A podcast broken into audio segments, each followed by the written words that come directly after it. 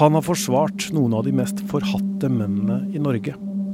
Men der de fleste så overgripere og drapsmenn, så Arvid Sjødin justismord.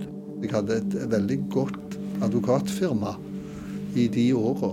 Jeg gjorde det godt i, i, forhold til dette, helt til Birgitte Sanker.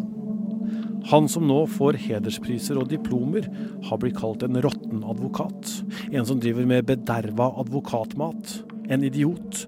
En som slipper barnemordere fri. Det har jo vært tolv år med mye slit. Og det har vært veldig mye krangel, det har vært veldig mye sjau altså i forhold til at du blir utskjelt For det er en sak som ikke er så veldig god å ta i.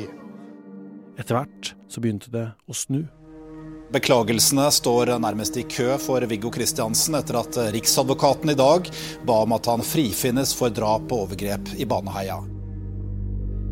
Jeg blir stadig mer nysgjerrig på hva forsvareren Arvid Sjødin er laga av.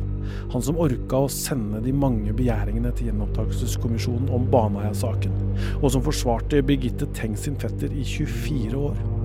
Han som har stått i grove trusler og betalt en pris, både bokstavelig og billedlig, for det han mener er rett.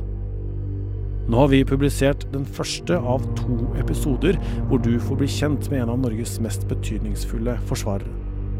Den er eksklusiv for deg som hører Krimpodden hos Podmy eller eh, via VG+.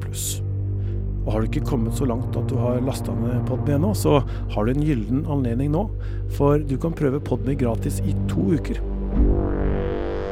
Perfekt for å få med deg både del én og del to av vår nye miniserie Forsvareren.